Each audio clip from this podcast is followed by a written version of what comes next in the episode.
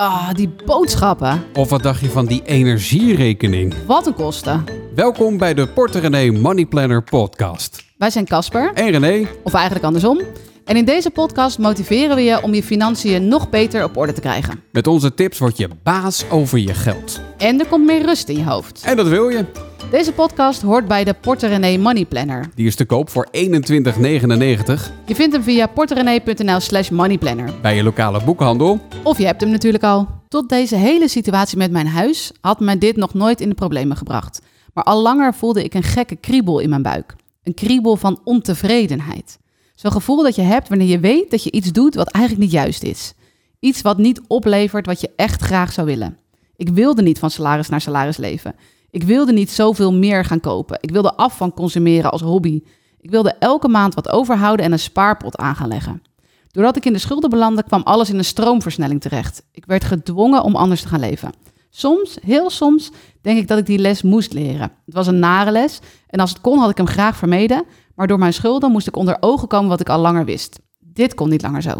Ja, dit staat in het begin van de Porter René Money Planner. Ja. Ja, In het openingsverhaal. Het was een bijzondere tijd was dat toen. Ja, Ja. misschien moeten we het een klein beetje uitleggen. Hè? Doe dat eens eventjes. Nou, ik heb het hier in dit stukje over een huis. Even kort door de bocht. Het is al best lang geleden, inmiddels ruim tien jaar. Eh, ik kocht een huis destijds met mijn toenmalige vriend. De relatie ging uit, niet meteen nadat de sleutel overhandigd was, maar een paar jaar later.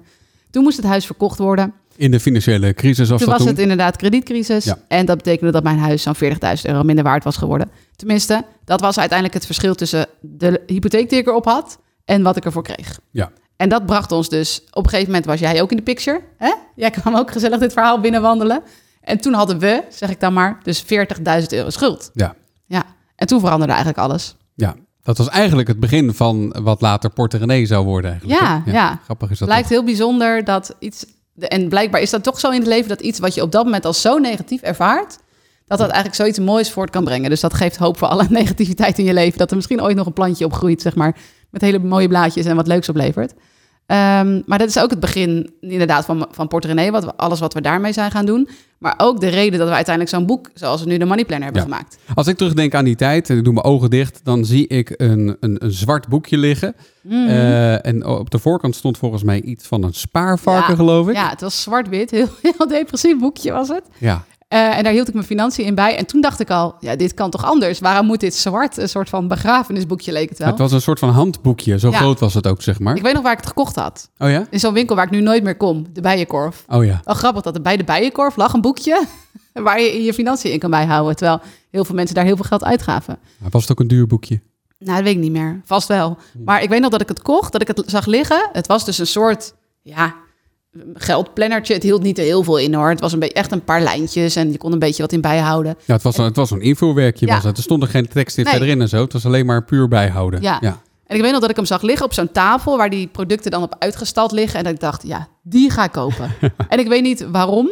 Ja, ik weet nu wel waarom. Ik dacht waarschijnlijk, het moet toch echt anders. En dit is misschien het begin. Maar ik had toen niet kunnen voorzien hoeveel gevolgen het had. Want eigenlijk daardoor is alles veranderd. Ja. Want we gingen toen kijken van wat geven we uit. En daar heel erg van schrikken. Dat weet ik nog heel goed. Bij sommige dingen echt, wat? Zoveel? En eh, toen gingen we kijken, oh, maar als we daar zoveel aan uitgeven... dan kunnen we dus eigenlijk best wel wat overhouden. Als we het nou zo doen. En ik heb ook nog heel veel... Ik heb het boekje nog, hè? Ja, we, we- vonden hem laatst in de schuur, eh, lag je daar. Ja, ik heb hem bewaard. En toen zag ik ook een paar pagina's waarin je vakanties had gebudgeteerd. Ja, maar ook Ja. heel veel kruisen. En eh, allemaal dingen die ik weggekrast had. Want ik was heel erg zoekende van, ja, hoe moet dit nou? Wist ik veel. Ja. Dus, eh, maar toen dacht ik al van, oké, dit heeft... ah, Een paar jaar later zeiden we dat natuurlijk. Dit heeft ons zoveel gebracht. De schulden waren afgelost. We waren weer vrij. We hadden grip op onze financiën. En toen zei ik, zei ik al tegen jou van... Ja, dit, dit, dit moeten meer mensen gaan doen. Maar dan wel... En ik wist toen nog niet dat ik dat zelf zou gaan maken. Maar ik zei, dacht wel altijd van... Dit mag wel wat vrolijker. Ja, maar op een leuke manier mag het. Ja, en ook wat meer begeleiding of zo. Weet je, wat Ja. motivatie en zo. Wat tips en tricks. Nou, Ja, ja. daar is die dan. Ja, het is wel fijn dat hij er is inderdaad. Hij ligt eh, hier eh, prominent op tafel. Eh, en, en daar moet hij ook eigenlijk liggen. Hij moet in het zicht liggen, toch? Zo'n money planner. Ja, dus we hebben nu in, inderdaad gewoon een money planner gemaakt... waar je niet alleen je financiën in kan bijhouden... dus je inkomsten, uitgaven, financiële doelen in kan stellen... spaarkleurplaten, die hebben we ook nog ingevuld, Ja. weet je nog? Die vind je allemaal in het boek. En ook nog heel veel tips en tricks van mij. Maar ik vond het ook belangrijk dat hij ook mooi was. Want als je hem in de kast zet, omdat je ervoor schaamt of zo... of omdat je denkt niemand mag het zien...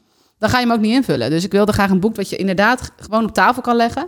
En ook dat er dan bijvoorbeeld een vriendin langskomt, of je zus, of je buurman, of whatever. Die gaan dus even lekker in je uitgaven Nee, bladeren. Nee, die zegt, wat is dat voor boek? Zeg je, nou, ik hou dus tegenwoordig mijn financiën bij. En dan zegt hij, oh, mag ik... Nou ja, je hoeft niet je financiën te laten zien Nee, dat zou ik niet doen. Maar wel dat iemand dan denkt, oh, wat een leuk vrolijk boek en wat Ja, een leuk tuurlijk, idee. ja. In plaats van zwart, weet je wel, donker, eh, schulden. Dat- dat Nee, hoeft maar, niet maar, maar, maar, maar niet alleen voor de visite die je gezellig op de koffie komt. Maar eh, ik denk ook voor jezelf. Dat, Ja. je, dat je weet van, oh ja, ik moet hem maar even invullen. Ook, ik, Ja. ik ben hiermee bezig. Ja. Ja. ja, dat je hem gewoon ergens laat liggen op je koffietafeltje of op tafel of naast op de bank, zo'n klein tafeltje of zo. Ja, dat je hem of in een, oh, in een kast zet, dat je dan zit te eten en denk je, oh ja, daar staat hij, ik moet hem nog even invullen vandaag. Ja. Dat was het idee en nou is hij er. Ja. Eh, even voor het idee, het zijn niet alleen lijntjes in, in, in deze money planner. Nee, Nee, ik had toen in- de tijd dat ik daarmee begon echt wel iets meer motivatie nodig. En dat stond dus in het plannertje wat ik toen had. Heel klein bundeltje met van die nietjes. Je kon hem ook zo openklikken.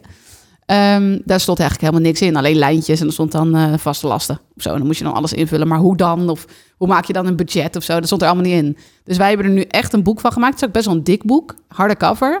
Eh, full color ook van binnen. Dus vrolijk ook van binnen. Niet alleen van buiten. En daar staat ook mijn verhaal in. Hè, waar ik nu net een, stokje, een stukje uit voorlas. Maar ook hoe maak je nou een budget? Wat als het nou toch anders loopt dan je eh, gepland had? Eh, hoe hou je dit vol? Hoe ga je eigenlijk om met je energierekening die zo hoog is? Hoe doe je je boodschappen? Nou, eigenlijk alles, alle vragen die je daarbij hebt, die hebben we wel geprobeerd te beantwoorden in het boek. Ja. Ja. En vanaf wanneer gebruik je hem? Vanaf wanneer gebruik je hem? Dus wanneer begint de maand? Ja. je? ja, die vraag krijgen we heel vaak. Dus dat is goed dat je die stelt. Ehm, ik begin altijd gewoon aan het begin van mijn financiële maand. En wanneer is dat dan? Nou, bijvoorbeeld wanneer je salaris binnenkomt. En wij eh, zijn ooit begonnen op de 20ste, dat is best wel vroeg. Wij hebben een eigen bedrijf, wij keren onszelf eh, salaris uit op die datum. En dat was eigenlijk omdat de kinderopvang eh, heel vroeg afschreef. Dus dat was eigenlijk de eerste rekening van die maand. Ja. Toen dacht ik, hoppakee, dan pakken we de twintigste en dan gelijk ook salaris. En dan zo de maand door. Maar de meeste mensen die gewoon bij een eh, baas werken, die doen gewoon...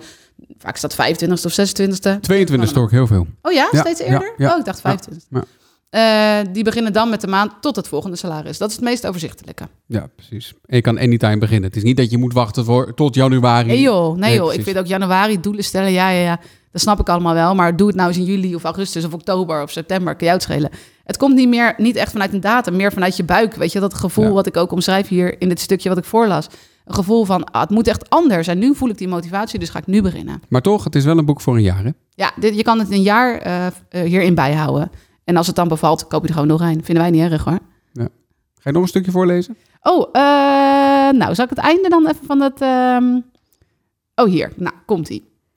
Wat het me opgeleverd heeft. Hè? Dit is natuurlijk niet in twee jaar, hè? of in één jaar money planner, maar op de lange termijn. Het gaat niet alleen om financiële winst. Het gaat niet alleen om meer geld overhouden. Je wint met controle over je financiën ook mentaal heel veel. Er komt rust in je hoofd als het op geld aankomt. Ik won er ook heel veel zelfvertrouwen mee. Toen ik merkte dat ik voor mezelf doelen kon stellen en die doelen ook stapje voor stapje kon bereiken, ging er echt een wereld voor me open.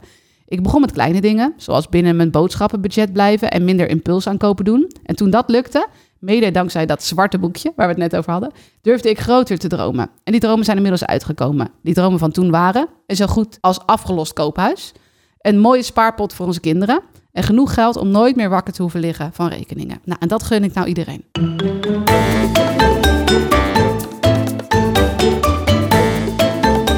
Check het allemaal in de Porte René Money Planner.